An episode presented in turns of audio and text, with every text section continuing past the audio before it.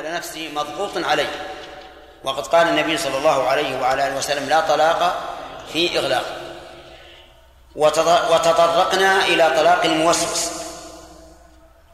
وقلنا إنه لا يقع. أظن. ما ذكرناه؟ نذكره الآن. طلاق الموسوس لا يقع. لأنه مغلوب على أمره. الموسوس نسأل الله لنا وكم العافية يوسوس أنه طلق زوجته ويتراءى له أنه طلقها. وأحيانا إذا لبس ثوبه قال إني طلقت زوجتي قلت إن لبست إن لبست ثوبي فهي طالق بل إذا فتح المصحف قال لعلي طلقت زوجتي. هذا هذا الرجل لو قال امرأتي فلانة طالق فليس عليه شيء. السبب أنه مغلوب لأن بعضهم يصرح بعض الموسوسين من شدة الضيق يصرح بأنه طلق من أجل الوسواس. تجد يقول بلا بلا بلاش هذا القلق هذا التعب النفسي. إذا طلقها طلقها يا ولد واسترح. فيطلقها. هل يمكن أن نقول إن هذا يقع طلاقه؟ لا والله ما نقول هذا. ولا يمكن أن نقول ذلك لأن الرجل مغلوب على نفسه. ونظيره في الوسواس بعض الناس يقول إذا شك وهو متوضئ هل أحدث أو لا؟ قال بل القلق. يلا. ثم يضبط. علشان إيش؟ ينتقض وضوءه يقينا. وهذا غلط. لأن النبي صلى الله عليه وسلم أعطانا دواء خيرا من ذلك. ماذا قال؟ قال لا ينصرف حتى يسمع صوتا أو يجد ريحا. يعني دع الشك. لا تلتفت إليه حتى تتيقن. هذا الرجل الموسوس إذا قال أنا أحسست بحركة في الذكر أو في الدبر نقول لا عبرة بهذا. أحسست ببرودة على رأس الذكر أو في داخل الفخذين فلعلي أحدثت. ماذا نقول له؟ نقول لا حدث لا حدث عليك. امضي في سبيلك ولا تلتفت لهذا الله عز وجل قد أراحك والحمد لله بشريعة سمحة يسيرة.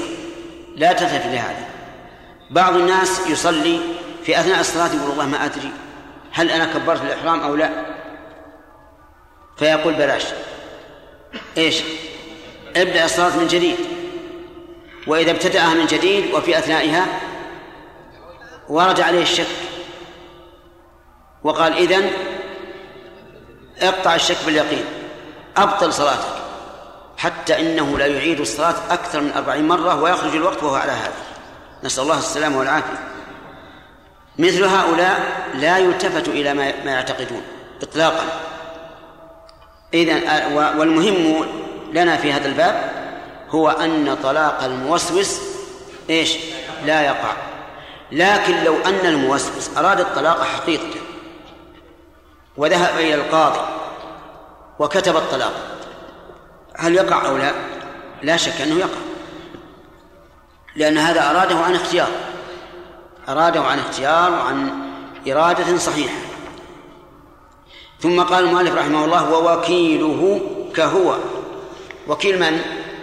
وكيل الزوج كالزوج يعني لو قال شخص لإنسان أنا لا أستطيع أن أقابل زوجتي بالطلاق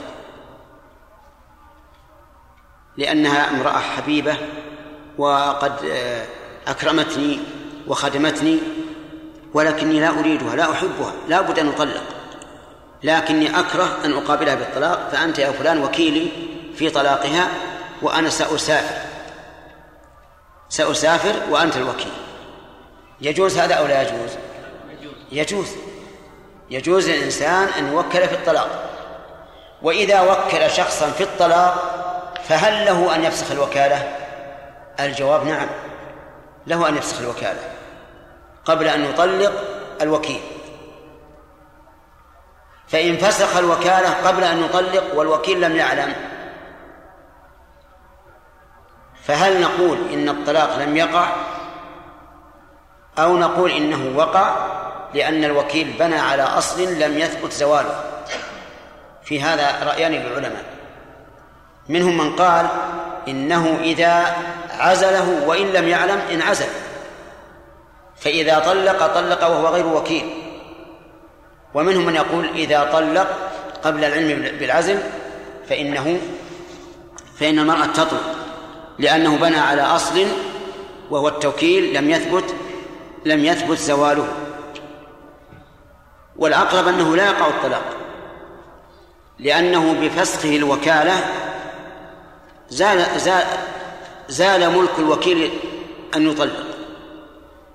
لكن لو ادعى بعد أن طلق الوكيل أنه عزله قبل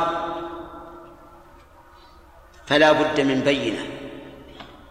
لا بد من بينة ولهذا إذا عزل الوكيل فلا فلا بد أن إيش؟ أن يشهد.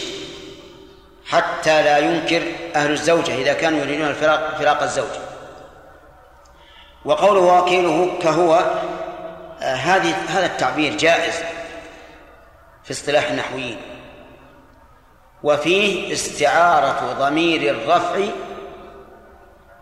لضمير لضمير الجر. لأن ضمير الجر في مثل هذا هو الهاء فقط. تقول مررت به وصلت إليه. لكن لما تعذر وجود الضمير المتصل مع الكاف فإنه يستعار ضمير إيش؟ ضمير الرفع. وإن كان الضمير المتصل قد يتصل بالكاف كما قال ابن مالك كذا كها ونحوه أتى. لكن الأكثر في اللغة العربية أن أن الكاف لا تدخل على ضمير متصل. على كل حال لو أورد علينا إيراد قال كيف يأتي ضمير الرفع في موضع ضمير الجر؟ ماذا نقول؟ نقول هذا من باب الاستعارة. من باب الاستعارة. استعارنا ضمير الرفع لإيش؟ لضمير الجر. وكيله كهو. وإذا كان كهو, كهو هل يملك الوكيل أن يطلق الزوجة وهي حائض؟ نعم. لا. حتى لو علمنا أن زوجها لم يأتها مدة سنوات فإنه لا يملك أن يطلقها وهي حائض لأن الوكيل فرع عن عن الزوج والزوج لا يجوز أن يطلق امرأته وهي حائض فكذلك الوكيل. هل يملك أن يطلق اثنتين أو ثلاثا؟ يقول المؤلف ويطلق واحدة. فقط. يعني إذا وكله فلا يحل له أن يطلق طلقتين. فيقول للزوجة أنت طالق طلقتين. حرام عليه لماذا؟ أولا لأنه بدعة والزوج نفسه لا يملكه وثانيا لأنه موكل والوكالة تصدق بأقل ما يقع عليه اسم الطلاق. فلا يجوز أن يطلق أكثر. طيب لو قال أنت لزوجته لزوجة من وكله أنت طالق أنت طالق أنت طالق. يملك هذا أو لا؟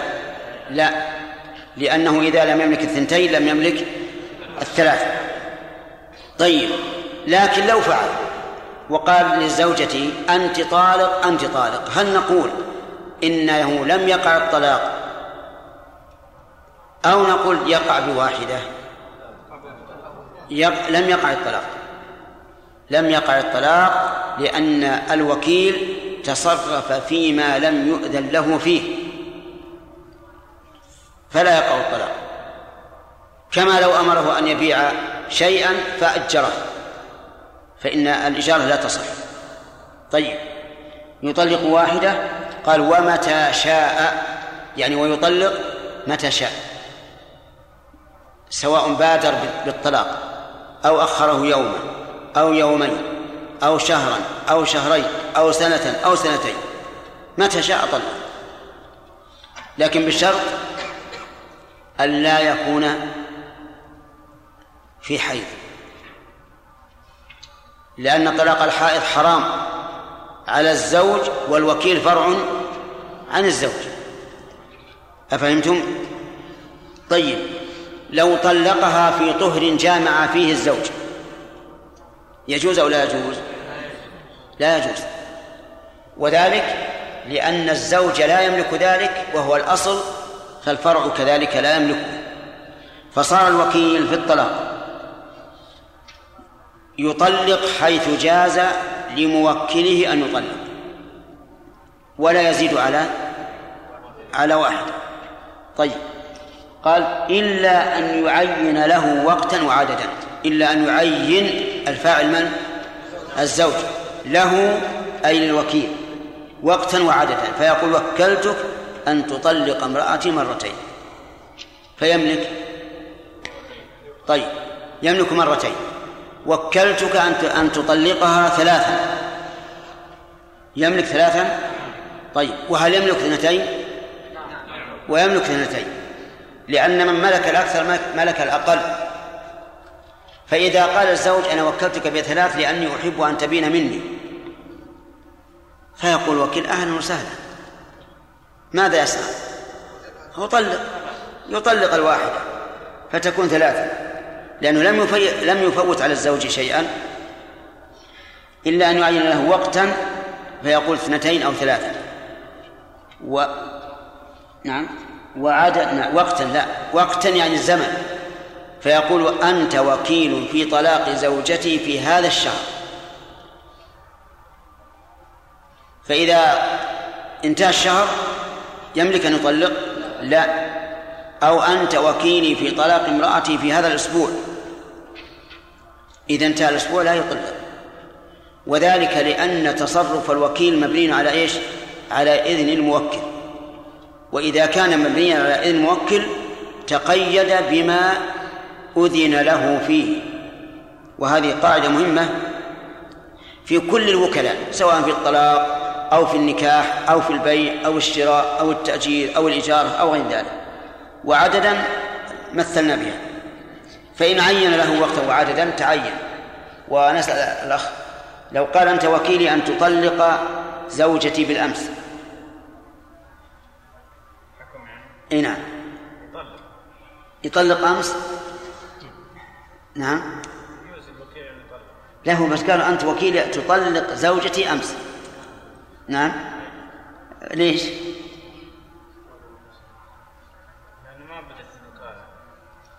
لأن أمس قد مضى. ما يمكن الطلاق فيه. فهو تعليق وكالة بأمر محال. يقول أمس الذي مر أمس الذي مر على قربه يعجز أهل الأرض عن رده أمس القريب الآن لو اجتمع الأمة كلها على أن تعيده ما تستطيع. أمس الذي مر على قربه يعجز أهل الأرض عن رده طيب. قال وامرأته كوكيله في في طلاق نفسها. الله المستعان. يجوز أن يوكل امرأته في طلاق نفسها؟ نعم. يجوز. وهو ومتوقع ومتصور وسهل تلح عليه زوجته أن يطلقها. فقال أنت الوكيلة أنت الوكيلة على نفسك. متى شئت فطلق. نعم. لكن ماذا تقول؟ إذا أرادت أن تطلق هل تقول طلقت زوجي؟ نعم. لا. لأن الزوجة ما تطلق الزوج. لكن تقول طلقت نفسي من زوجي. طلقت نفسي من زوجي ولا بأس. فصار الآن كلام المؤلف ليس أمرا بعيدا. امرأته كوكيل في طلق في طلاق نفسها هذا أمر ليس ببعيد. بعض بعض النساء يلح على زوجه على زوجها أن إيش؟ أن يطلقها. فيقول أنت أنت أميرة نفسك. أنت وكيلة. طلقي طيب إذا إذا قال أنت وكيلة في طلاق نفسك. وكانت تريد البينونة من زوجها. فقالت طلقت نفسي من زوجي ثلاثة. أتملك ذلك؟ ليش؟ نقول لأن لأن الوكيل يتقيد بواحدة. إلا إذا قال أنت وكيلة في طلاق نفسك مرة أو مرتين أو ثلاثة. فعلى نقل بعض العلماء يقول لا يصح أن يوكل زوجته في طلاق نفسها للتضاد. كيف يطلق نفسه؟ لكن الصواب ما قاله المؤلف. لأن امرأة بالغة عاقلة عالمة تعرف بعد الطلاق وتريد الطلاق. ثم قال مالك رحمه الله فصل اعلم أن العلماء رحمهم الله يكتبون أبوابا وفصولا وكتابا. تجدون أحيانا كتاب الطهارة. ها؟ كيف؟ لا مهم موجود مهم موجود. آخر آخر الباب في طلاق نفسها إيش تبغوها؟ نعم. أقول العلماء في مؤلفاتهم يكتبون كتاب ويكتبون باب ويكتبون فصل. الكتاب للجنس والباب للنوع والفصل للأفراد. أفهمتم؟ الكتاب لإيش؟ للجنس. الباب للنوع الفصل للأفراد. يعني أفراد هذا النوع. فمثلا كتاب الطهارة. كتاب الطهارة من أول باب المياه إلى آخر الحيض. كل ما يتعلق بالطهارة داخل تحت هذا العنوان. لأنه إيش؟ جنس. طيب باب الاستنجاء باب الوضوء باب الغسل باب التيمم باب إزالة النجاسة باب الحيض. هذا إيش؟ هذا نوع. لأن طهارة الوضوء نوع وطهارة الغسل نوع آخر. في الغسل يكتب موجبات الغسل. ثم يكتب فصل في كيفية الغسل. هذا للأفراد. أفراد هذا النوع. هذا هو الأصل. أن يقال الكتاب إيش؟ والباب والفصل للأفراد. طيب الآن كتاب الطلاق. ولا باب الطلاق اللي معنا نعم كتاب الطلاق. لأن هذا جنس. جنس انفكاك الزوجة من الزوج. قال فصل في بيان ما هو الطلاق السني والطلاق البدعي. بين ذلك رحمه الله. قال إذا طلقها مرة في طهر لم يجامعها فيه وتركها حتى تنقضي عدتها فهو سنة. هذا طلاق السنة ما جمع هذه الأوصاف الثلاثة. مرة في طهر لم يجامعها فيه وتركها حتى تنقضي عدتها. هذا طلاق السنة. انتبه. مثل أن يقول لزوجته في طهر لم يجامعها فيه أنت طالق. كم هذا؟ واحدة الطهر هل جامع أو لا؟ إحنا قلنا لكم إنه لم يجامعها فيه. يعني بعد ما حاضت بعد يومين ثلاثة قبل أن يجامع طلقها مرة. تركها حتى تنقضي العدة. هذا هذا طلاق سنة.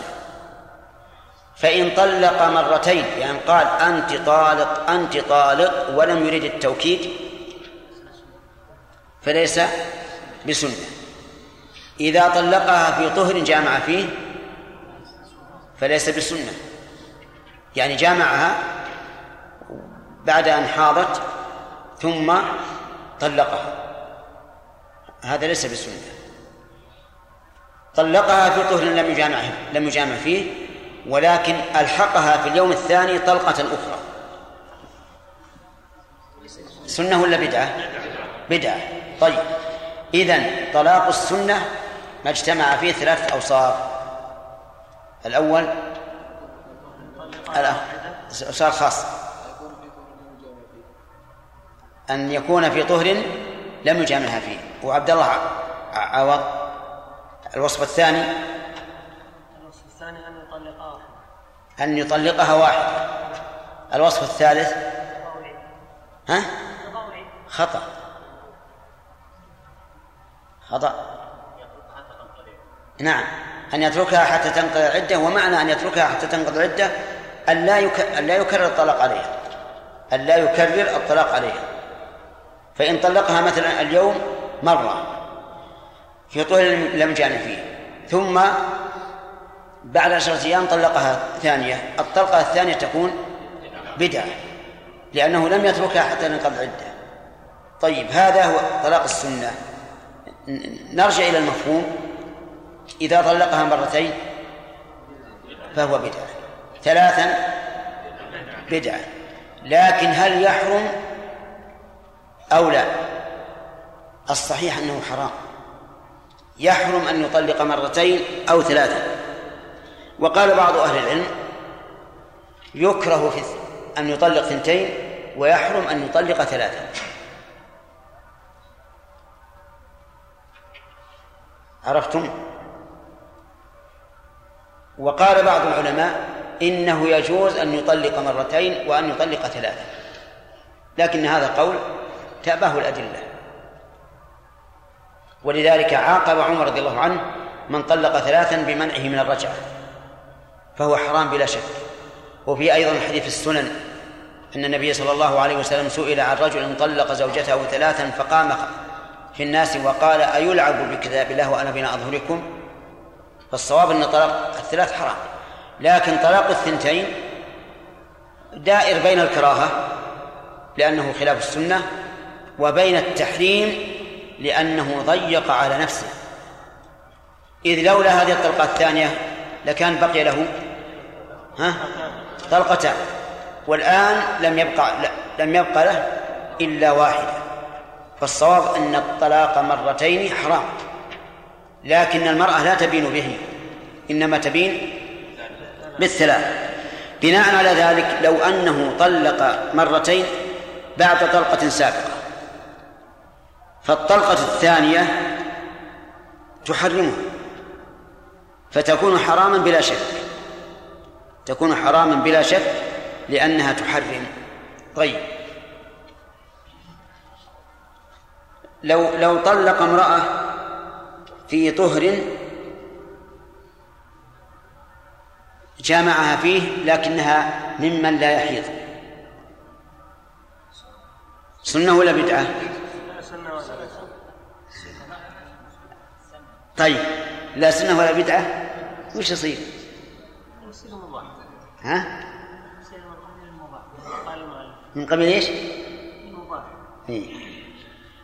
هو كما قال الأخ عبد الله يقولون إن إن من لا تحيض لا سنة ولا بدعة في طلاقها. لأن السنة لا بد أن يكون لها مقابل بدعة وهذه طلق متى شئت. التي لا تحيض طلقها متى شئت ولو كنت قبل أن تغتسل من جنابتها. واضح؟ فالعجوز التي انقطع حيضها يجوز أن يطلقها في أي وقت؟ في أي وقت شاء لأن ما لا تحيض. والصغيرة والصغيرة التي لم لم تبدأ بالحيض كذلك. والتي أجري, أجري لها عملية باستئصال الرحم كذلك. يطلقها متى شاء لأنه لا يمكن أن تحيض. والمرأة المرضع قولوا. المرأة المرضع نقول لا يطلقها حتى تحيض. إذا قال باقي عليها سنة كاملة ويأتيها الحيض لأن الطفل باقي عليه السنة ويفطم وهذه المرأة لا تحيض إلا إذا فطمت الصبي. وباقي سنة. وهو قد جمعها في البارحة. وجرى بينهما نقاش وقال لا بد أن تطلقها ماذا نقول له؟ نقول لا تطلق حرام عليك. قال ما أستطيع أبقى سنة كاملة. لأنه لازم يبقى سنة كاملة حتى يأتي الحيض. حتى يأتي الحيض ثم تطهر من الحيض فيطلق. نقول لا بد أن تبقى اتباعا لحدود الله. فإذا قال أبقى سنة قلنا وسنتين أيضا. حتى يرجع عليها الحيض ثم تحيض ثم تطهر ثم إن شئت فطلق. لأن هذه المرأة من ذوات الحيض. ليست صغيرة وليست آيسة نعم.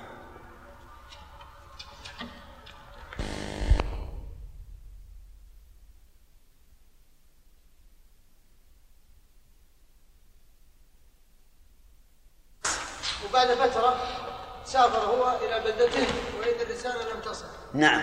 وكان وغير نيته أن يرجع لزوجته نعم. العمل؟ أعطيك العمل. رجل طلق زوجته في, سفر. قال زوجتي طالق. ثم قدم البلد قبل أن يصل زوجته الخبر.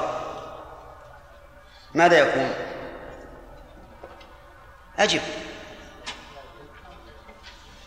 فهمت سؤالي ولا ما فهمت؟ أي. الرجل طلق زوجته وهو مسافر. قال زوجتي طالق. ثم وصل إلى البلد قبل أن يبلغها الخبر. ماذا يكون؟ يقع الطلاق نفس الشيء الكتابة لأن الكتابة مجرد ما يكتب الإنسان زوجتي طالق تطلق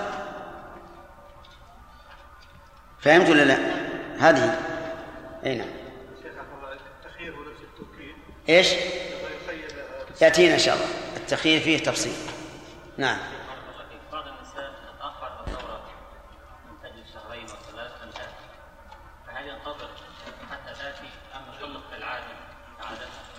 لا. إذا كان جمعها في هذا الطهر لا بد أن يبقى. حتى تأتي الحي يأتي الحيض وتطهر كيف يملك الوكيل ذلك.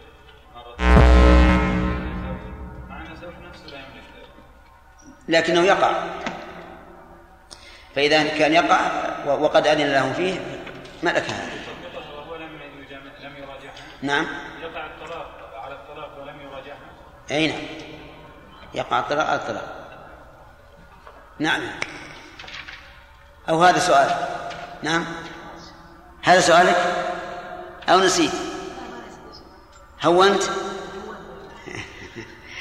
نعم؟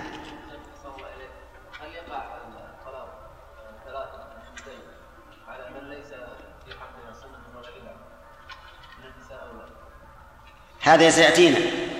سيأتينا الطلاق هل يتعدد بعدد, بعدد ألفاظه أو لا؟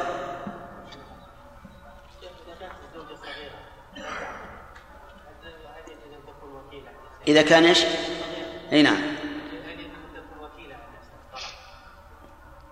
هما مر علينا أنه يقع الطلاق من المميز الذي يعقله الوكيل الذي يعقله يقع منه الطلاق. يعني من صح طلاقه صح أن يكون وكيلا فيه. أي نعم. المستحاضة يجوز طلاقها نعم. لا فيها حقها سنة وبدعة. إذا حاضت يعني في الو- في الوقت الذي قلنا أنه حيض يكون بدعة. أما إذا كان مستحاضة فهو سنة. طلاقها طلاق سنة لأنها من ذوات الحيض لو قالت المرأة طلقت زوجي هل يقع أو لا؟ لم يحصل نعم لأن في قوانين تقول المرأة للزوج طلق زوجي إيه. إذا قالت طلقت زوجي يقول والآن أنا ربطتك. لا أنت شريعة الله. شريعة الله. لا ما يجوز. أبد ولا ولا ولا ولا تنفصل منه. شرعا لا تنفصل منه. نعم لو جعل لها الخيار فلا بأس. يعني مثلا إذا قال لها لها, لها الخيار تزوجته على أن لها الخيار إن جاز لها المكث وإلا فلها الخيار لا بأس. على قول على قول الشيخ الإسلام ابن تيمية ولا فيها فيها خلاف.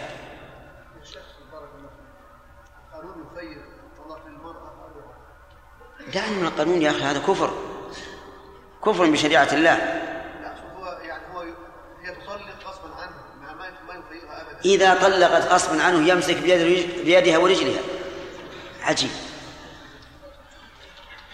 نعم.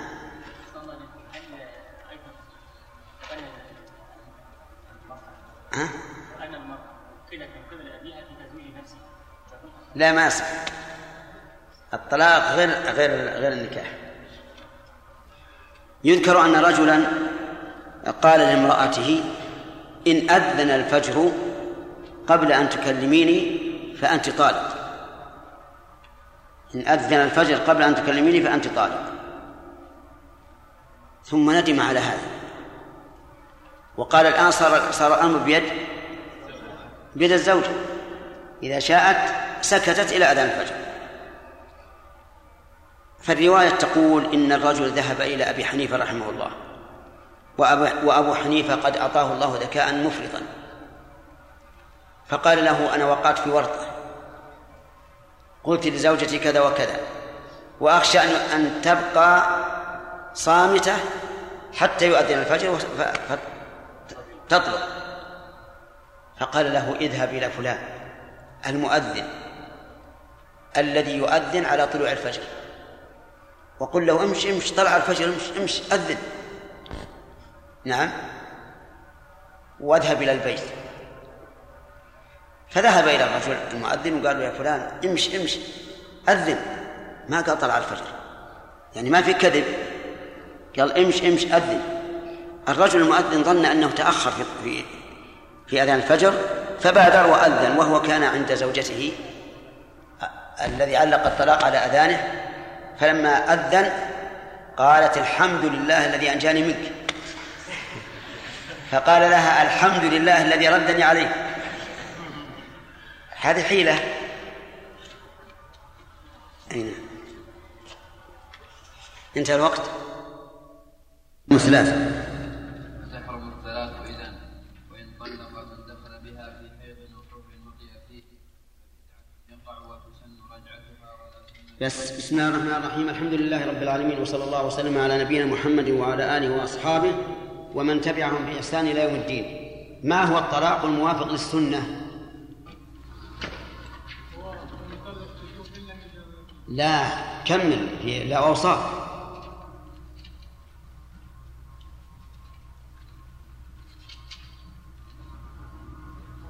هنا. أن يطلقها مرة واحدة. في طهر هذه اثنين. لم يجامع فيه. هذه ثلاث لا لا. بلى بلى.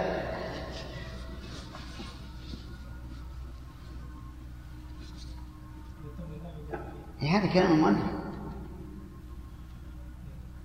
بل يوصف الرابع. لا أربعة. لا يكفي في طهر. نعم. ويتركها حتى تنقضي عدتها. طيب إذن الطلاق الموافق للسنة ما جمع أربعة أوصاف أن يكون في طهر. أن يكون مرة أن يكون في طهر أن لا يكون جمعها في ذلك الطهر. الرابع أن يدعها حتى تنقضي عدتها. تمام يا أخوان؟ حامل. ها؟ الحامل سيأتينا إن شاء الله أنه ليس لا يوصف طلاقها بالسنة ولا بدعة وعلى هذا يطلق متى شاء طيب. رجل طلق امرأته طلقتين فقال أنت طالق اثنتين. أسنة هو؟ بدعة. طيب. رجل قال لزوجته أنت طالق ثم قال أنت طالق. ثانية. أسنة أم بدعة؟ بدعة. طيب تمام. ثم يقول المؤلف رحمه الله وتح فتحرم الثلاث إذن. تحرم الثلاث إذن هذه تحرم مفر تحرم الثلاث مفرعة على قوله إذا طلقها مرة. فالثلاث إذن محرمة. الدليل على هذا أنه من أن الطلاق الثلاث من تعدي حدود الله. وقد قال الله تعالى ومن يتعدى حدود الله فقد ظلم نفسه. ومن السنة أن النبي صلى الله عليه وسلم سئل عن رجل طلق امرأته ثلاثا فقام غضبان وقال أيلعب بكتاب الله وأنا بين أظهركم حتى استؤذن صلى الله عليه وسلم في قتله أي قتل هذا الرجل. فالثلاث محرمة سواء قال أنت طالق ثلاثا أو قال أنت طالق أنت طالق أنت طالق.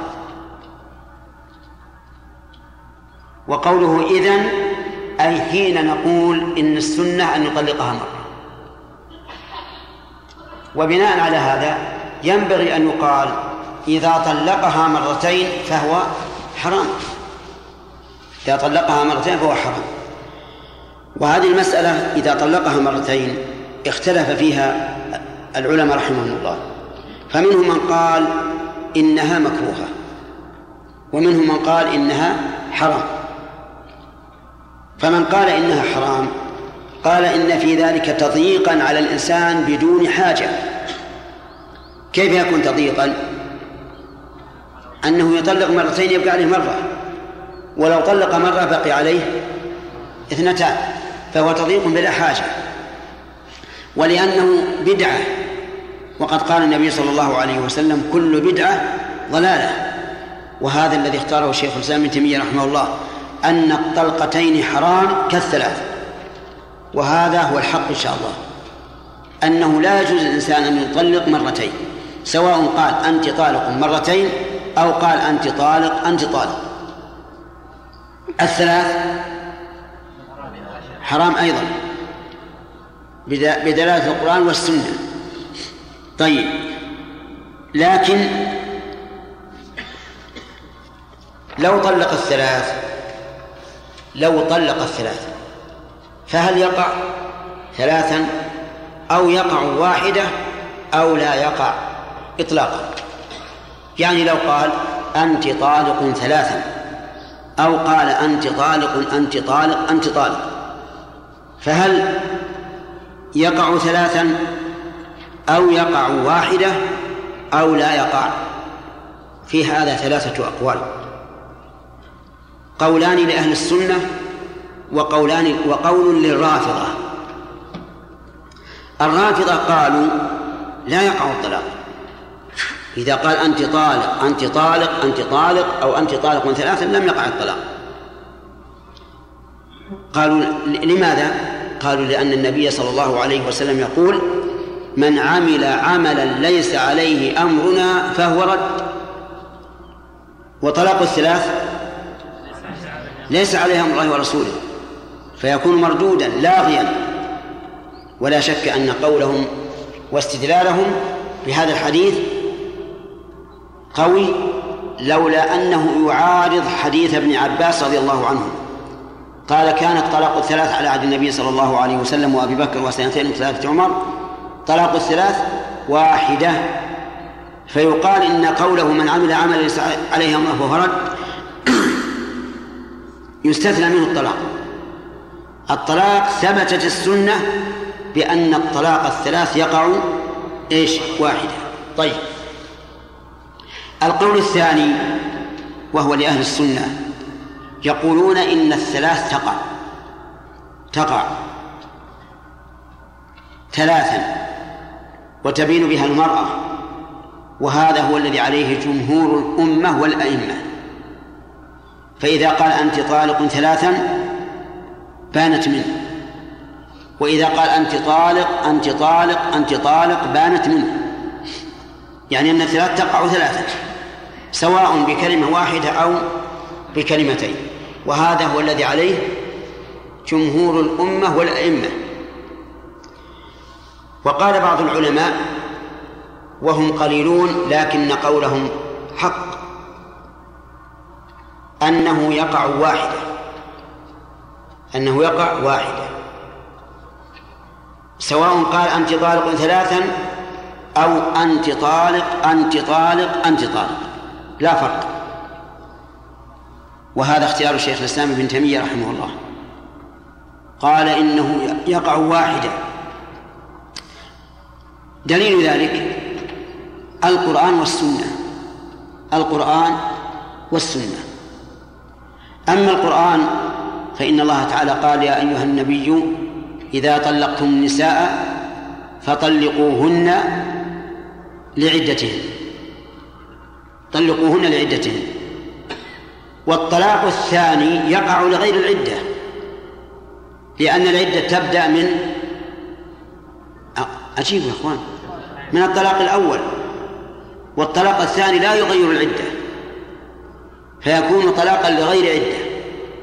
وأضرب لكم مثلا إنسان طلق امرأته اليوم طلاقا سنيا مرة واحدة. ثم بعد يومين أو ثلاثة طلق ثانية. هل الطلاق هل تبتدئ العدة من الطلاق الثاني أو الأول؟ الأول. إذا يكون الطلاق الثاني لغير عدة. وقد قال الله تعالى فطلقوهن لعدتهن. وهذا الطلاق لغير العدة فيكون مردودا لقول النبي صلى الله عليه وسلم من عمل عمل ليس عليه أمرنا فهو فهو رد. من عمل عمل ليس عليه أمرنا فهو رد. فيكون مردودا. ولا يقع. واختار هذا القول شيخنا رحمه الله بن سعدي وقال إن شيخ الإسلام قال بأن الطلاق الثلاث واحدة وعلله بتعاليل جيدة من طالعها لم يسوغ له خلافه. يعني من طالع كلام ابن تيمية رحمه الله لم يسوغ له أن يخالفه. يعني ولازمه أن يقول به لأنه قول جيد آه، مقرون بالأدلة. هذه دلالة القرآن على ذلك. أما دلالة السنة فحديث ابن عباس الذي أخرجه مسلم في صحيحه قال كان الطلاق الثلاث على عهد النبي صلى الله عليه وسلم واحدة. على عهد النبي صلى الله عليه وسلم وعهد أبي بكر وسنتين من خلافة عمر. فلما أكثر الناس ذلك قال عمر رضي الله رضي الله عنه أرى الناس قد استعجلوا في أمر كانت لهم فيه أنات فلو أمضيناه عليهم فأمضاه عليهم. وهذا يدل على أن إمضاء الثلاث من اجتهادات عمر وأنه رضي الله عنه إنما صنع ذلك سياسة لا تفق لا لا لا أن هذا مقتضى الأدلة لكن سياسة. كيف سياسة؟ لأنه إذا ألزم الناس بالطلاق الثلاث كفوا عن الطلاق الثلاث. يعني مثلا الإنسان إذا كان قد علم أنه إذا قال أنت طالق أنت طالق أنت طالق فهي واحدة. يهون عليه أن يقولها مرة أخرى أو لا؟ يهون. لكن إذا علم أنه إذا قيل إذا قال أنت طالق أنت طالق أنت طالق حيل بينه وبين زوجته فإنه لا يقولها يتريث. فلهذا كان من سياسة عمر أن ألزم الناس بمقتضى قولهم وقال إنهم استعجلوا في أمر كانت له فيه أنات فلو أمضيناه عليهم فأمضاه عليهم وألزمهم به. وقال إذا جاء يستفتي قال أنا طلقت زوجتي ثلاثا أراجعها؟ قال لا. لا نمكنك من المراجعة. فمنعهم من هذا من المراجعة لماذا؟ ها؟ سياسة لئلا يتعودوا ذلك. المهم أن هذا هو الحق. أن طلاق الثلاث واحدة. خلافا للجمهور وخلافا للرافضة. الرافضة ماذا يقولون؟ لا يقع. والجمهور يقولون يقع. استنانا بسنة عمر. فيقال عمر رضي الله عنه إنما سنه إيش؟ سياسة لأجل أن يرتدع الناس وليس نظرا لمقتضى الأدلة. فهذا والصواب إذن ما اختاره شيخ الإسلام رحمه الله ولا فرق بين أن يقول أنت طالق ثلاثا أو يقول أنت طالق أنت طالق أنت طالق بعض المتأخرين فرق. قال إذا قال أنت طالق ثلاثا فهي واحدة. وإذا قال أنت طالق أنت طالق أنت طالق فهي ثلاثة ولكن الصواب أنه لا فرق. وقد صرح بهذا شيخ الإسلام رحمه الله وقال إنه لا فرق بين أن يقول أنت طالق ثلاثا أو يقول أنت طالق أنت طالق أنت طالق. وما ذكره رحمه الله هو مقتضى الجدال بين الفقهاء في هذه المسألة لأن الذين قالوا إنه يقع يقع ثلاثا قالوا إنه في عهد الرسول عليه الصلاة والسلام. كان الواحد منهم يكرر أنت طالق أنت طالق أنت طالق توكيدا لا تأسيسا.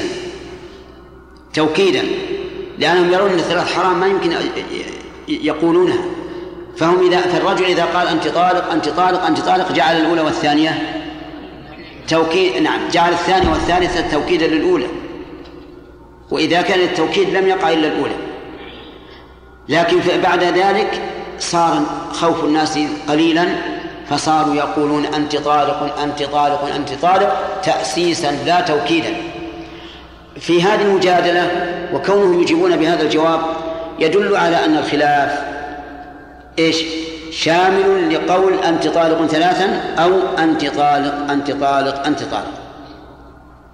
ولهذا كان في جدالهم ما قلت لكم وكان أيضا في جدالهم أن حديث ابن عباس في غير المدخول بها. كان الطلاق الثلاث واحدة في غير المدخول بها.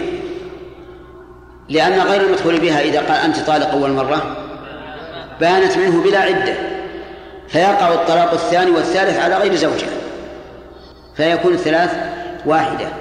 قلت لكم ذلك لأن هذا يدل على أن الخلاف في الصيغتين. في أنت طالق ثلاثا وأنت طالق أنت طالق أنت طالق. وأما قول من قال إنه إذا أعاد الطلاق مرة ثانية فإنه أعاده على امرأة قد طلقت وهي رجعية والرجعية في حكم الزوجات. فإذا كانت في حكم الزوجات لأن الرجعية يجوز أن تتزين لزوجها وأن تكشف له وأن تبقى في بيتها معه وحدهما. فيقول هي في حكم الزوجة فيلحقها الطلاق. فيقال لهم ليست الرجعية في حكم الزوجة في كل شيء. تفارق الزوجة الرجعية الزوجة في عدة مواضع ستة أو سبعة. وإذا صح أنها تفارقها في ستة أو سبعة بل في اثنين لا يجوز أن نلحقها بالزوجة في كل شيء. لنا في هذه الرسالة الصغيرة لم تطبع حتى الآن في هذا الموضوع.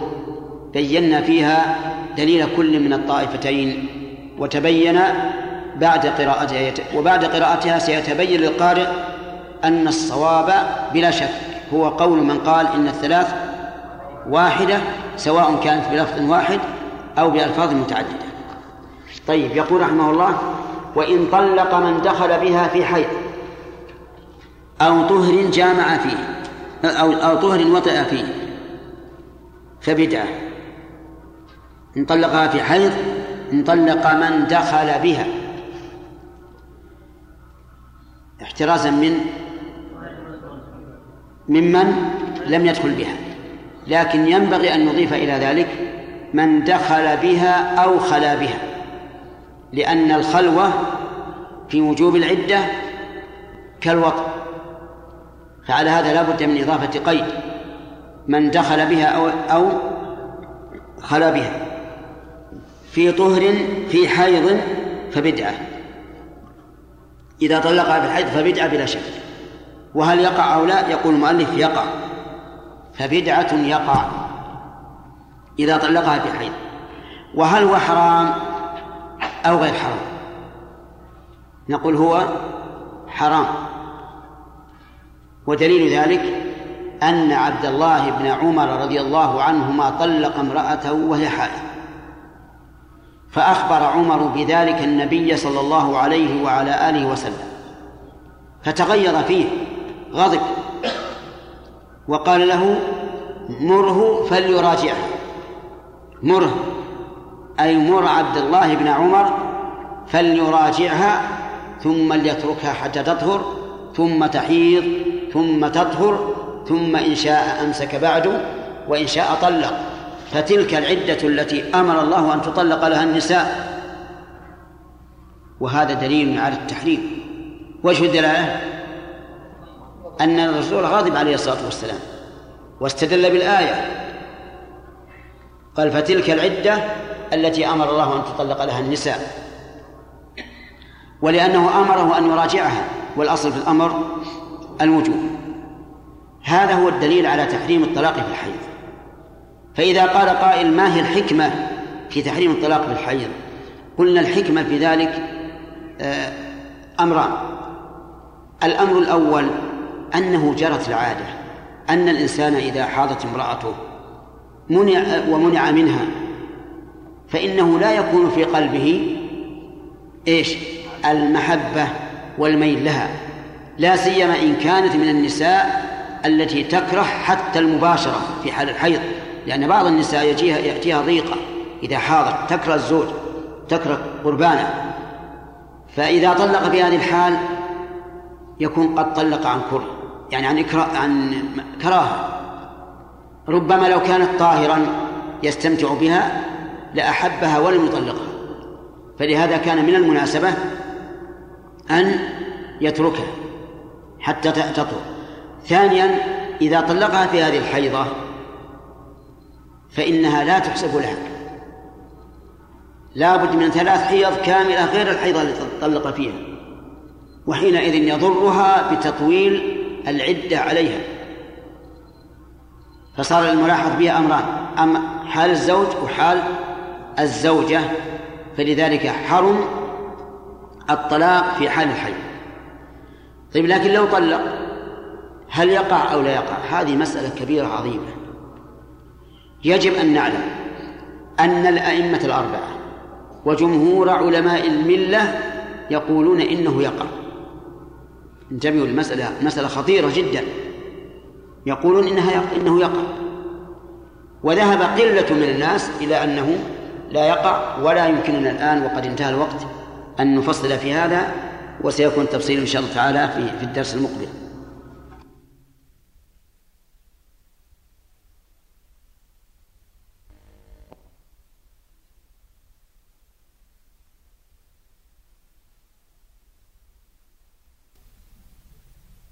أيضا صلاة الجماعة انتهى الوقت. نعم. أنا أظن أنه أنه أنه أخرجه مسلم لكن يمكن المحشي يقصد. لا لما قال البخاري في وفي رواية للبخاري. هذا يدل على أن المؤلف متأكد أنه في الصحيحين. اقرأ فقه. بسم الله الحمد لله والصلاة والسلام على رسول الله. قال المؤلف رحمه الله تعالى وإن طلق من دخل بها في حيض أو طهر وطئ فيه يقع وتسن رجعتها ولا سنة ولا بدعة في صغيرة وغير مدخول بها ومن بان حملها بس بسم الله الرحمن الرحيم. الحمد لله رب العالمين. وصلى الله وسلم على نبينا محمد وعلى آله وأصحابه ومن تبعهم بإحسان إلى يوم الدين. ما هو طلاق السنة؟ ما جمع؟ أي نعم. لا هو جمع أوصاف. اذكر اوصافه حتى يكون اسهل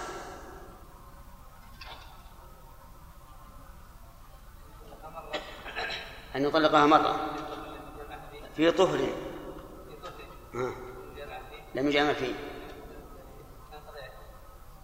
شلون؟ في طهر لم يجامع فيه حتى تنتهي العدة. يعني يتركها حتى تنقضي العدة. يعني لا يرجف الطلاق بالطلاق. طيب الآن أسوق. قال لزوجته أنت طالق أنت طالق. سنة ولا بدعة؟ ها؟ بدعة. قال لها وقد جامعها أنت طالق. بدعة. لأنه في ظهر جامع فيه. طيب.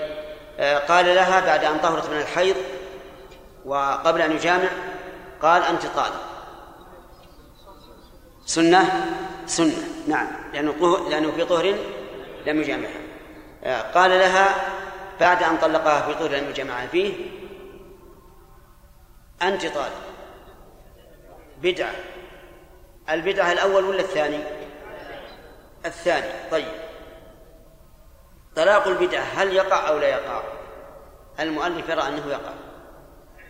يقع ثم ولهذا قال وإن طلق من دخل بها في حيض فبدعة يقع. إن طلق من من دخل بها في حيض فبدعة يقع. فيها وطهر جماعة فيها لكن خلي شرحها بعد. فبدعة يقع.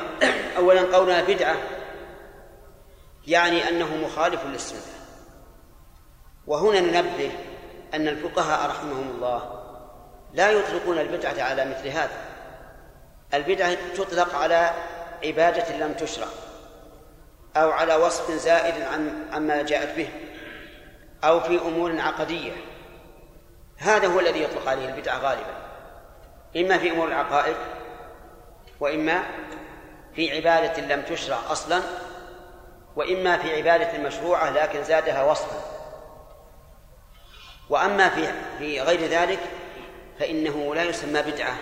تجدهم يقولون هذا حرام هذا مكروه. أما أن يقول أنه بدعة فهذا نادر. لكن في هذه المسألة وصفوا بالبدعة والسنة. إذا طلقها في حيض فهو بدعة. وإن شئت فقل إنه محرم. وهذا أليق في اصطلاح الفقهاء. أن نقول إنه محرم.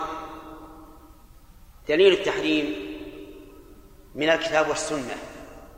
أما الكتاب فقوله تعالى يا أيها النبي إذا طلقتم النساء فطلقوهن لعدتهن. يعني طلقوهن طلاقا تبتدئ به العدة. ومعلوم أنه إذا طلقها في حيض لم يكن طلاقا تبتدئ به العدة. لأن بقية الحيضة التي طلق فيها لا يحسب لا يحسب من العدة. فيكون قد طلق إيش؟ لغير عدة. فتعدى بذلك حدود الله. ومن يتعدى حدود الله فقد ظلم نفسه. إذا هذا دليل من القرآن على أنه محرم.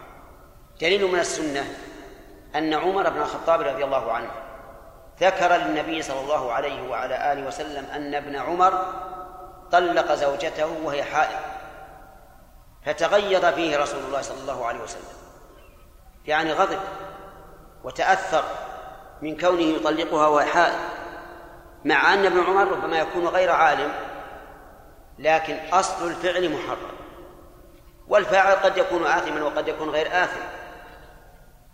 ثم قال لرسول لعمر مره مره أي مر عبد الله. فليراجعها وليتركها حتى تطهر. ثم تحيض. ثم تطهر. ثم إن شاء أمسك بعد وإن شاء طلق ثم قال عليه الصلاة والسلام مفسرا للقرآن فتلك العدة التي أمر الله أن تطلق لها النساء. إذن الطلاق في الحيض محرم بالكتاب والسنة طيب وهل يقع؟ يقول المالك رحمه الله إنه يقع. يقول إنه يقع. ودليل ذلك أن النبي صلى الله عليه وعلى آله وسلم قال لعمر مره فليراجعها. ولا مراجعة إلا بعد وقوع الطلاق. لأن من لم يقع طلاقها كيف يقال رجعها ولأنه ثبت في البخاري أنها حسبت من طلاقها. حسبت من طلاقها. ولا يمكن أن تحسب من طلاقها إلا إذا إذا وقعت. وعلى هذا القول جرى جمهور العلماء بل جمهور الأمة وجميع الأئمة أن طلاق الحائض واقع. ومحسوب عليه. وما زال الناس على هذا. ثم إن شيخ الإسلام ابن تيمية رحمه الله نظر في الأمر ووجد أن دلالة الكتاب أن دلالة الكتاب والسنة تدل على عدم الوقوع. لكنه هجر هذا القول. هجر هجرا تاما ولم يعمل به أحد. حتى عصرنا هذا. انتشر القول بأن طلاق الحائض لا يقع. نعم. وصار عند العامة شيئا محبوبا لأن كثيرا منهم طلق وامرأته حائض أو في طهر جامع فيه. فشربوا هذا القول شرب العطشان للماء البارد وصفقوا له. وصاروا ينقبون عن طلاقات سابقة. هل هي على حيض أو في طهر جامع فيه؟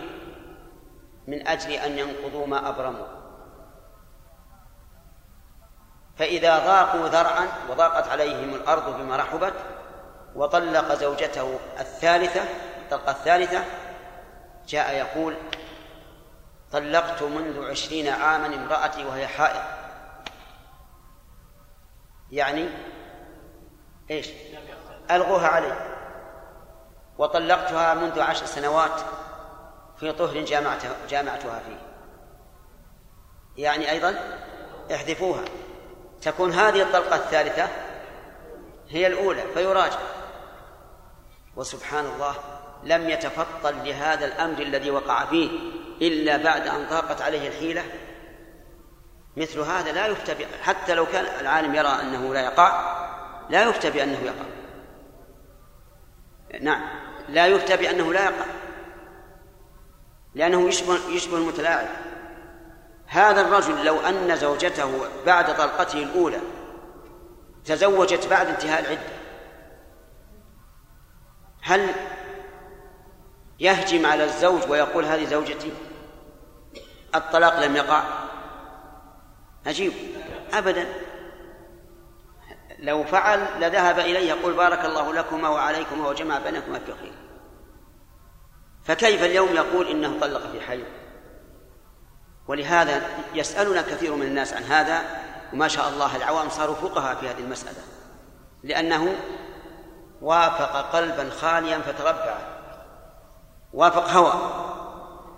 مثل هؤلاء لا يفتون بعدم الوقوع ولا حرج على الإنسان في ذلك لأنه من باب دفع التلاعب بآيات الله ولأنه قول عن عن الوقوع قول موافق إيش؟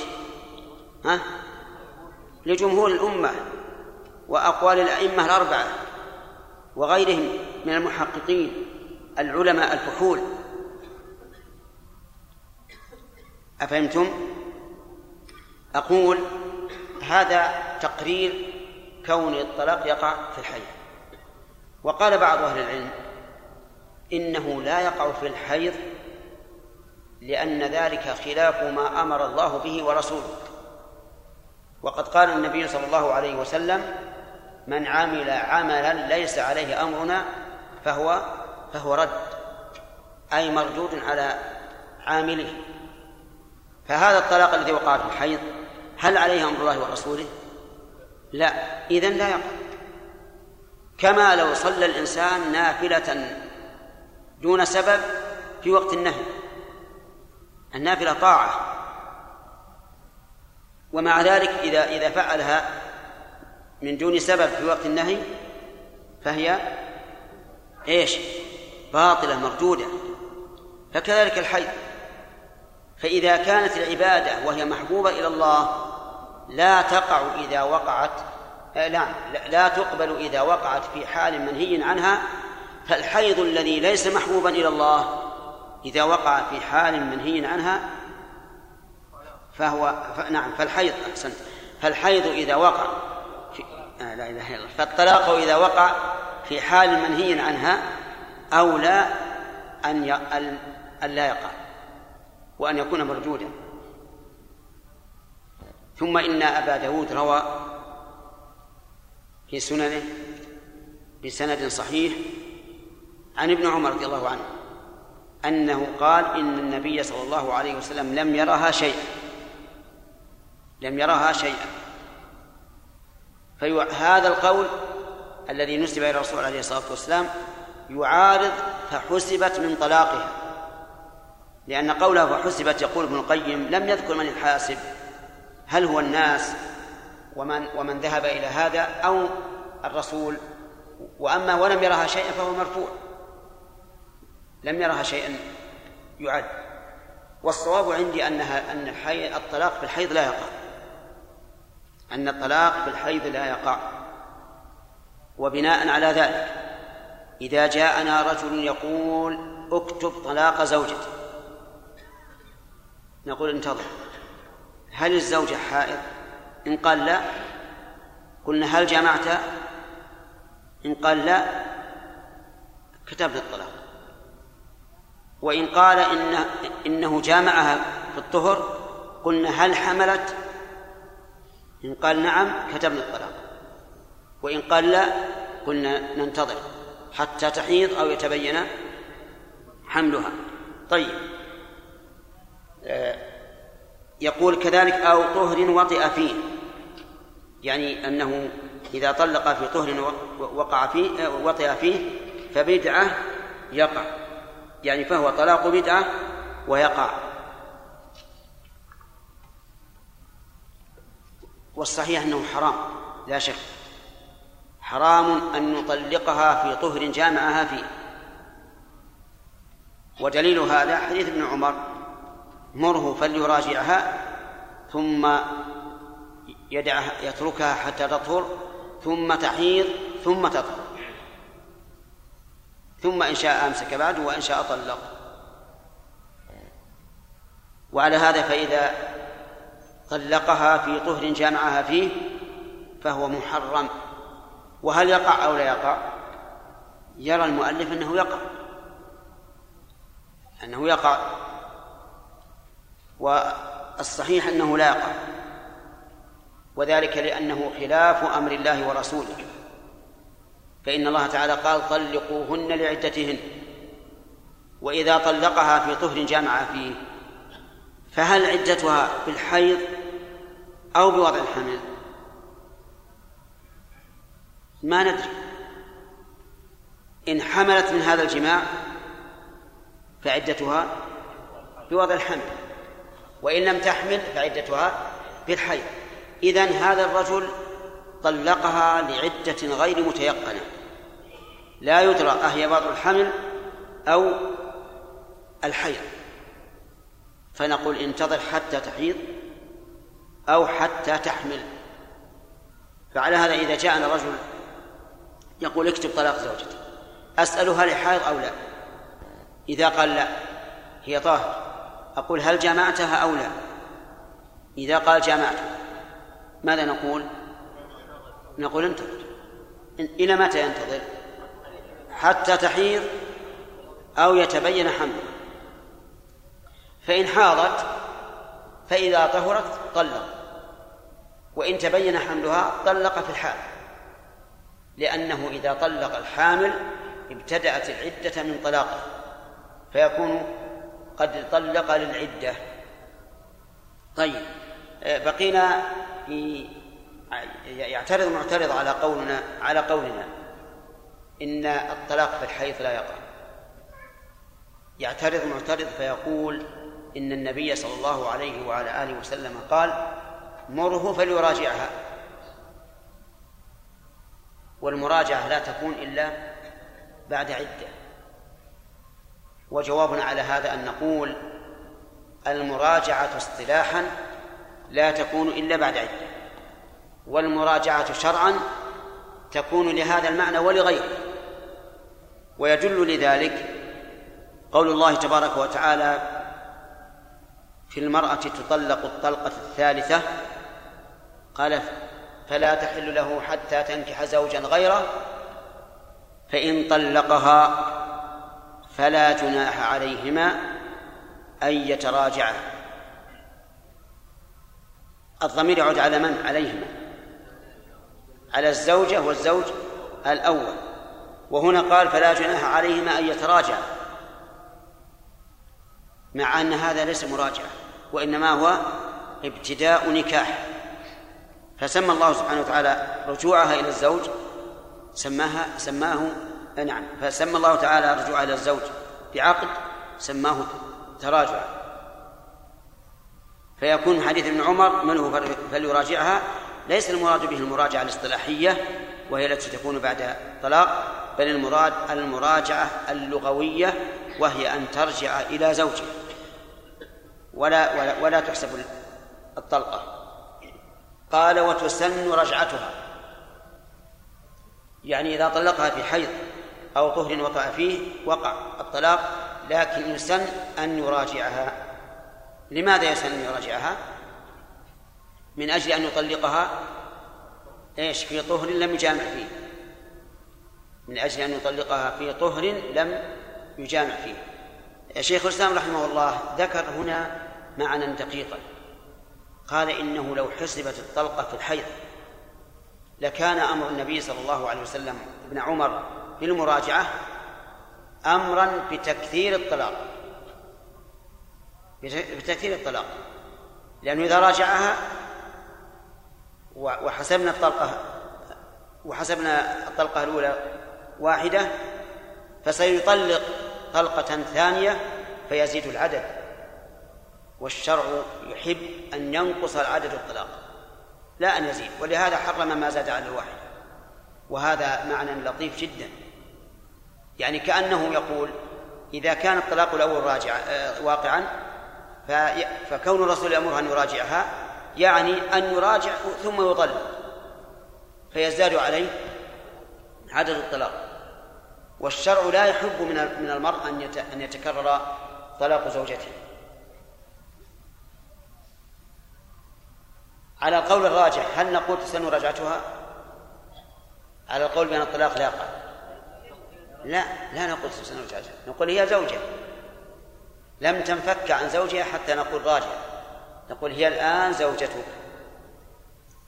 الله أعلم. نعم. ها؟ ها؟ لا.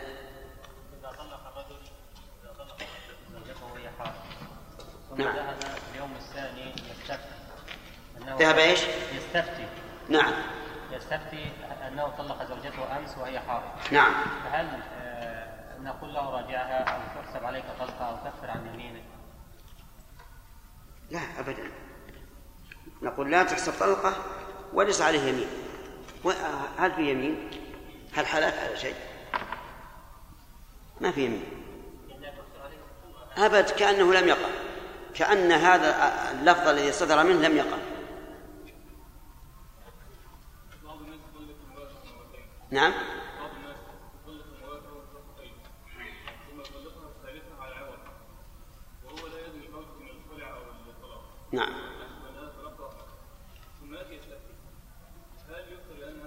أو خلع؟ يعني يطلق مرتين. مرة ثم راجع ثم مرة.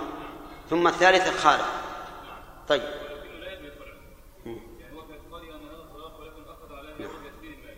الطلاق على عوض إن كان بلفظ الفسخ.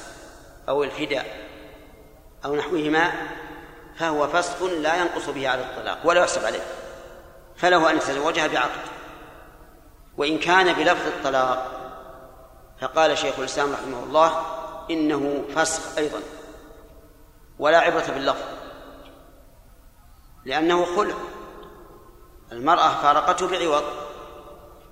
وقال جمهور العلماء بل هو طلاق إن وقع بلفظ الطلاق. ويؤيد هذا القول أن النبي صلى الله عليه وسلم قال لثابت بن قيس خذ الحديقة وطلقها تطليقا. والأصل في اللفظ النبوي أن يحمل أن يحمل على الحقيقة الشرعية. والحقيقة الشرعية أنه طلاق. وهذا أرجح. كلام شيخ الإسلام من حيث المعنى أرجح. أن كل فراق كان بعوض فهو فسخ لا طلاق ولو وقع بلفظ الطلاق. لكن ماذا نقول بقول الرسول عليه الصلاة والسلام طلقها تطليقة إذا حملناه على المعنى اللغوي وهو أن طلقها يعني فارقها فهو مشكل. لأن المعروف أن الحقيقة الشرعية تحمل عليها الألفاظ الشرعية. وبناء على ذلك نقول إذا وقع الخلع بلفظ الطلاق بانت منه. بينونة كبرى لا تحل له إلا بعد زوج. نعم. كم؟ خمسة.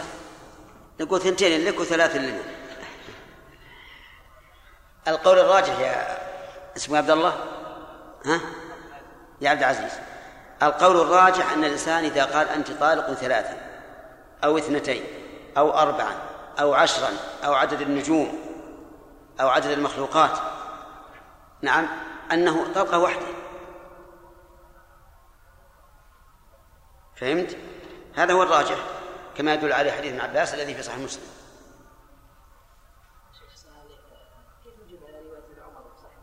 وهو. نعم. عليه ما هو ظاهر ما هو بصريح لا بل- قد يقال هذا ظاهر عدم الوقوع لأنه جعل هذا من الحماقة. والحماقة شيء لا يقال.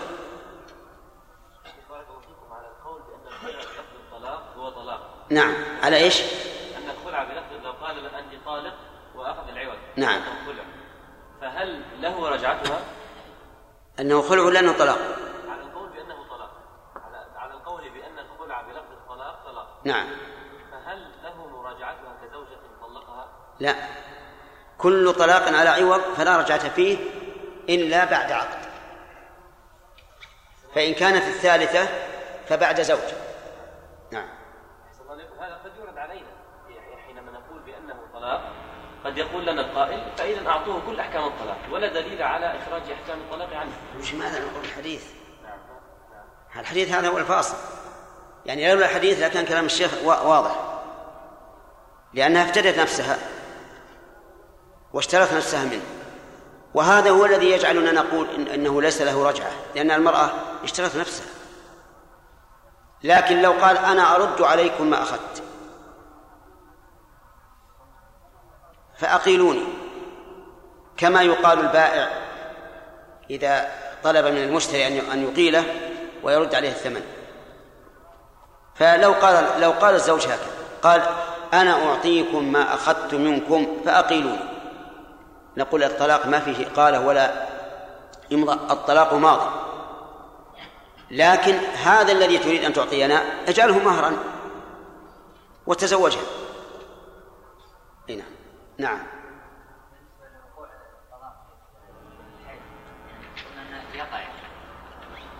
عند الجمهور عند جمهور العلماء. الطلاق في الحيض يقع عند جمهور العلماء. نعم. لا يقع صحيح. نعم.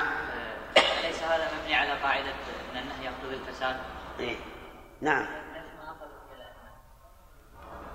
أخذ نعم. الأئمة رحمهم الله استدلوا بقوله فليراجعه وقالوا لا مراجعة إلا بعد وقوع الطلاق. واستدلوا برواية البخاري أيضا فحسبت من طلاقها. يعني هم لهم دليل ويجعلون هذا خارجا عن القاعدة.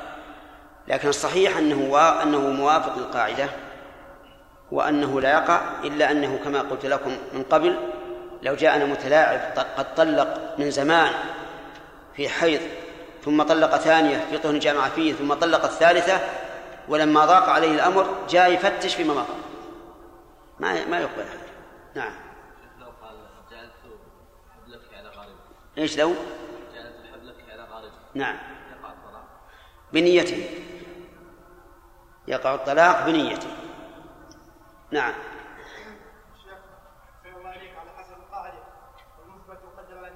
نعم. الحديث طلاقها هذا مثبت واللفظ الثاني لم يرها شيئا. لم يرى شيئا نافي فلماذا ما قدمنا المثبت على النافي؟ ما نقدم لأن لم يرها مرفوع. وحسبت من الحاسب؟ لو قال حسبها النبي صلى الله عليه وسلم من طلاقها؟ كان زال الإشكال. لا. ما بين المجهول ما يدرى. فيكون معارض هذا على تقدير أنه مرفوع, حكما وأن القائل فحسبت هو ابن عمر. لأن ما ندري هل هل هو ابن عمر اللي قاله أو من بعده. لكن على فرض أنه ابن عمر وأنه مرفوع حكما فالمرفوع صريحا مقدم. نعم. حسن. يقع يقع.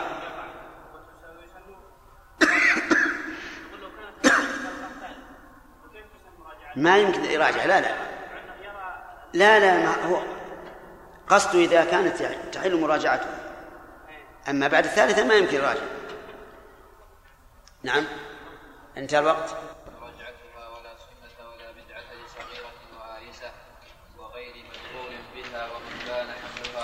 بسم الله الرحمن الرحيم. سبق لنا أن أنه لا يجوز الطلاق في الحيض لماذا؟ لأنه خلاف أمر الله. فقد قال الله تبارك وتعالى يا أيها النبي إذا طلقتم النساء فطلقوهن لعدتهن وإذا طلق بالحيض فإن بقية الحيضة لا تحسب من العدة فيكون طلق لغير العدة. آه، وكذلك أيضا إذا طلق في طهر جامع فيه فقد خالف أمر الله. طلق لغير العدة. لماذا؟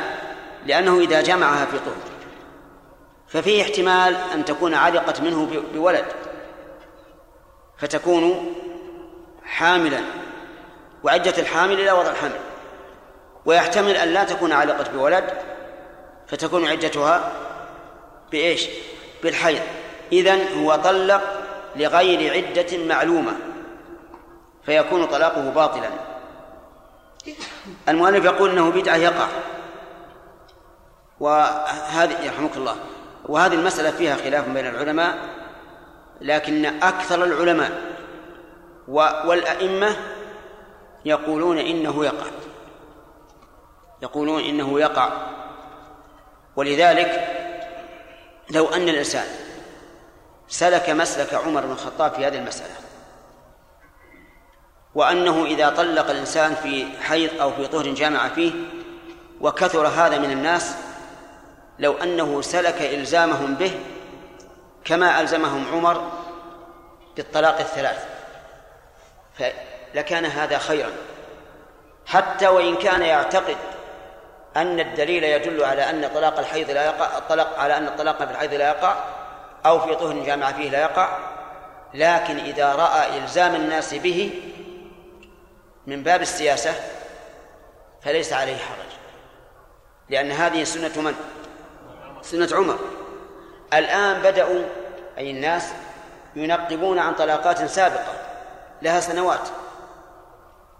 فيقول إنه طلقها في في حيض طلقها في طهر جامع فيه مع أننا نعلم أنه لو لو انتهت العدة في ذلك في الطلقة التي طلقها وهي حائض وتزوجت بآخر ها؟ لم يبالي بهذا. لم يعتقد انها إنها طلقت. ففتح الباب للناس حتى يقعوا في المحرم أمر يحتاج إلى نظر. وعلى ولهذا أنا أعتقد أن القول الراجح أن الطلاق في الحيض لا يقع والطلاق في طهر جامع فيه لا يقع لأنه خلاف ما أمر الله به ورسوله ومن عمل عملا ليس عليه أمر الله ورسوله فهو مردود. لكن أرى أنه إذا دعت الحاجة إلى إلزام الناس بالطلاق إذا طلقوا في الحيض أو في الطهر الذي جامعوا فيه أرى أن هذا يس أن هذا هو السياسة الشرعية. لأن الشرع جاء ليصلح الخلق لا لتلاعب الخلق. ولنا في هذا أسوة. من أسوتنا في ذلك؟ عمر بن الخطاب رضي الله عنه الذي قال فيه النبي عليه الصلاة والسلام إن يكن فيكم محدثون فعمر. أي ملهمون للصواب فعمر بن الخطاب. ولهذا يقال إن عمر بن الخطاب الموفق للصواب. جميع اجتهاداته تكون غالبا صوابا لا سيما في هذه المسألة الكبيرة التي بدأ الناس يتلاعبون وإذا ضاقت عليهم الحيل قال أنا طلقت في حيض أنا طلقت في حيض دائما يعالجوننا في, في الاستفتاء. إذا قلنا له إذا قال طلقت في حيض قلت راجع. راجع. قال هل تحسب علي؟ راجعه يا رجال. هل تحسب علي؟ علشان إيش؟ يتوفر لديه ثلاث طلقات. يقول يا أخي راجع الآن. وعد نفسك أنك لن تعود إلى الطلاق. والحمد لله طلقة واحدة إذا حسبت عليك ما هي مشكلة. لكن لا يريدون أن أن يقال لهم هذه لا تحسب عليكم من أجل أن يكون عندهم النصاب كاملا. فعلى كل حال نحن نرى أن الطلاق في الحيض ولا لا يقع وفي ظهر الجامعة فيه لا يقع لكن نرى أنه من السياسة إذا تتايع الناس في هذا وصاروا لا يبالون أن نلزمهم به ونقول أنت رضيت لنفسك أن تطلق في الحيض فلنلزمك بما رضيه لنفسك. ثم قال وتسن رجعتها. تسن رجعتها. رجعة من؟ رجعة من طلقها في حيض أو في طهر جامع فيه. والدليل لذلك قول النبي صلى الله عليه وسلم لعمر مره أي مر عبد الله بن عمر فليراجعها. هذا هو الدليل. والراجح أن الرجعة هنا واجبة بل هي على قولنا ليست رجعة حقيقة وإنما هي إبقاء لها على نكاحها الأول. فالصواب أن الرجعة حتى وإن قلنا بوقوع الطلاق أن الرجعة واجبة. لأن لأن لأنه لا يرفع المحرم إلا لا يرفع المحرم إلا بواجب. نعم. ثم قال ولا سنة ولا بدعة لصغيرة وآيسة وغير مدخول بها ومن بان حمله.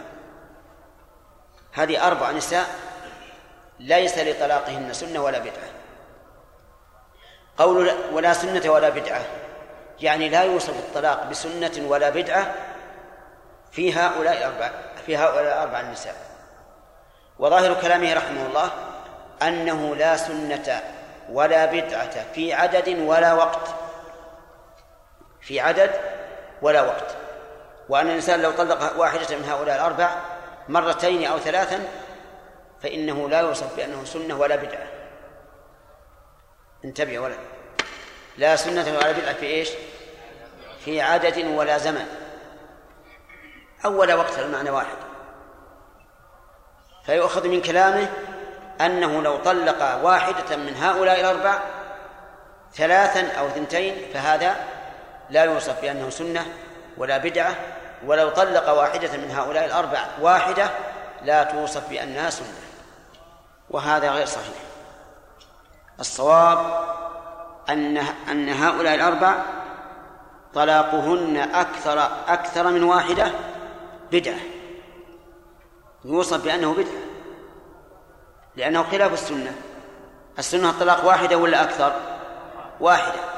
فإذا طلق واحدة من هؤلاء الأربع مرتين يعني قد قصد اثنتين أو ثلاثا فلا شك أنه مبتدع. لكن بالنسبة لغير المدخول بها سيأتي الكلام فيها. قول لصغيرة المراد بالصغيرة هنا من لم يأتها الحيض. حتى لو بلغت عشرين سنة وهي لم يأتها الحيض فإنها تعتبر إيش؟ صغيرة. لقول الله تبارك وتعالى واللائي لم يحضن. واللائي لم يحضن. وهذا مطلق. ما دامت لم يأتها الحيض بعد فهي صغيرة. لا سنة في طلاقها لا بعدد ولا زمن. أما أما الزمن فنعم ليس هناك سنة ولا بدعة. لأنه لا يتصور في حقها سنة ولا بدعة. كيف ذلك؟ الصغيرة عدتها بالأشهر. كم عدتها بالأشهر؟ ثلاثة شهور. وهذا يقتضي أن أن تطلق في أي زمن طلق. لأنه من حين ما يقول هي طالق إيش؟ تبتدئ بالعدة فيكون قد طلق للعدة. لكن يطلق مرتين أو أو ثلاثا هذا بدعة لا شك. خلافا لظاهر كلام المؤلف رحمه الله. إذا ما المراد بالصغيرة؟ من لم يأتي الحي لو قلت المراد بالصغيرة من لم تبلغ خطأ ولا صواب؟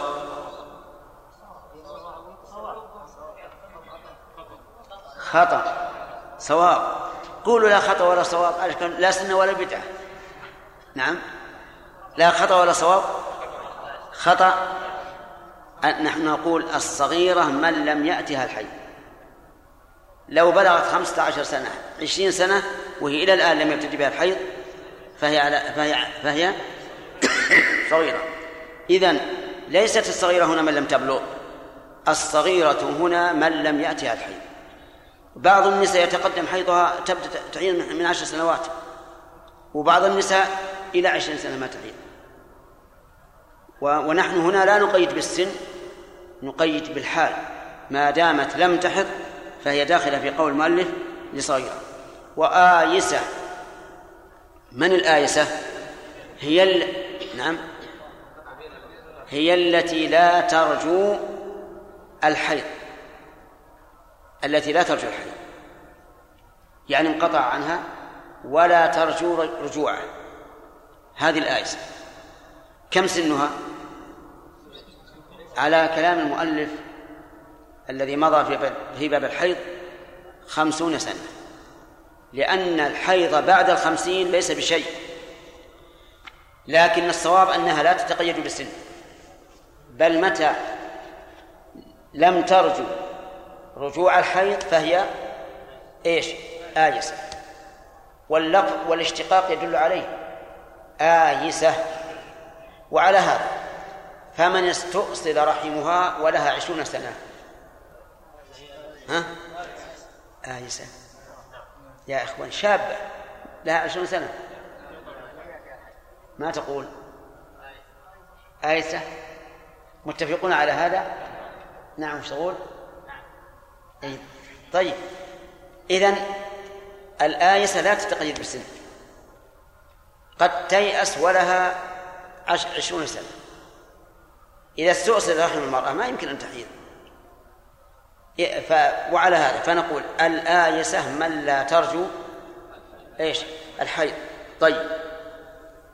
إما لكبرها أو لاستئصال رحمها أو لغير ذلك من الأسباب. لكن الغالب أن المرأة إذا تجاوزت الخمسين سنة الغالب أنها أن حيضها يتقلص.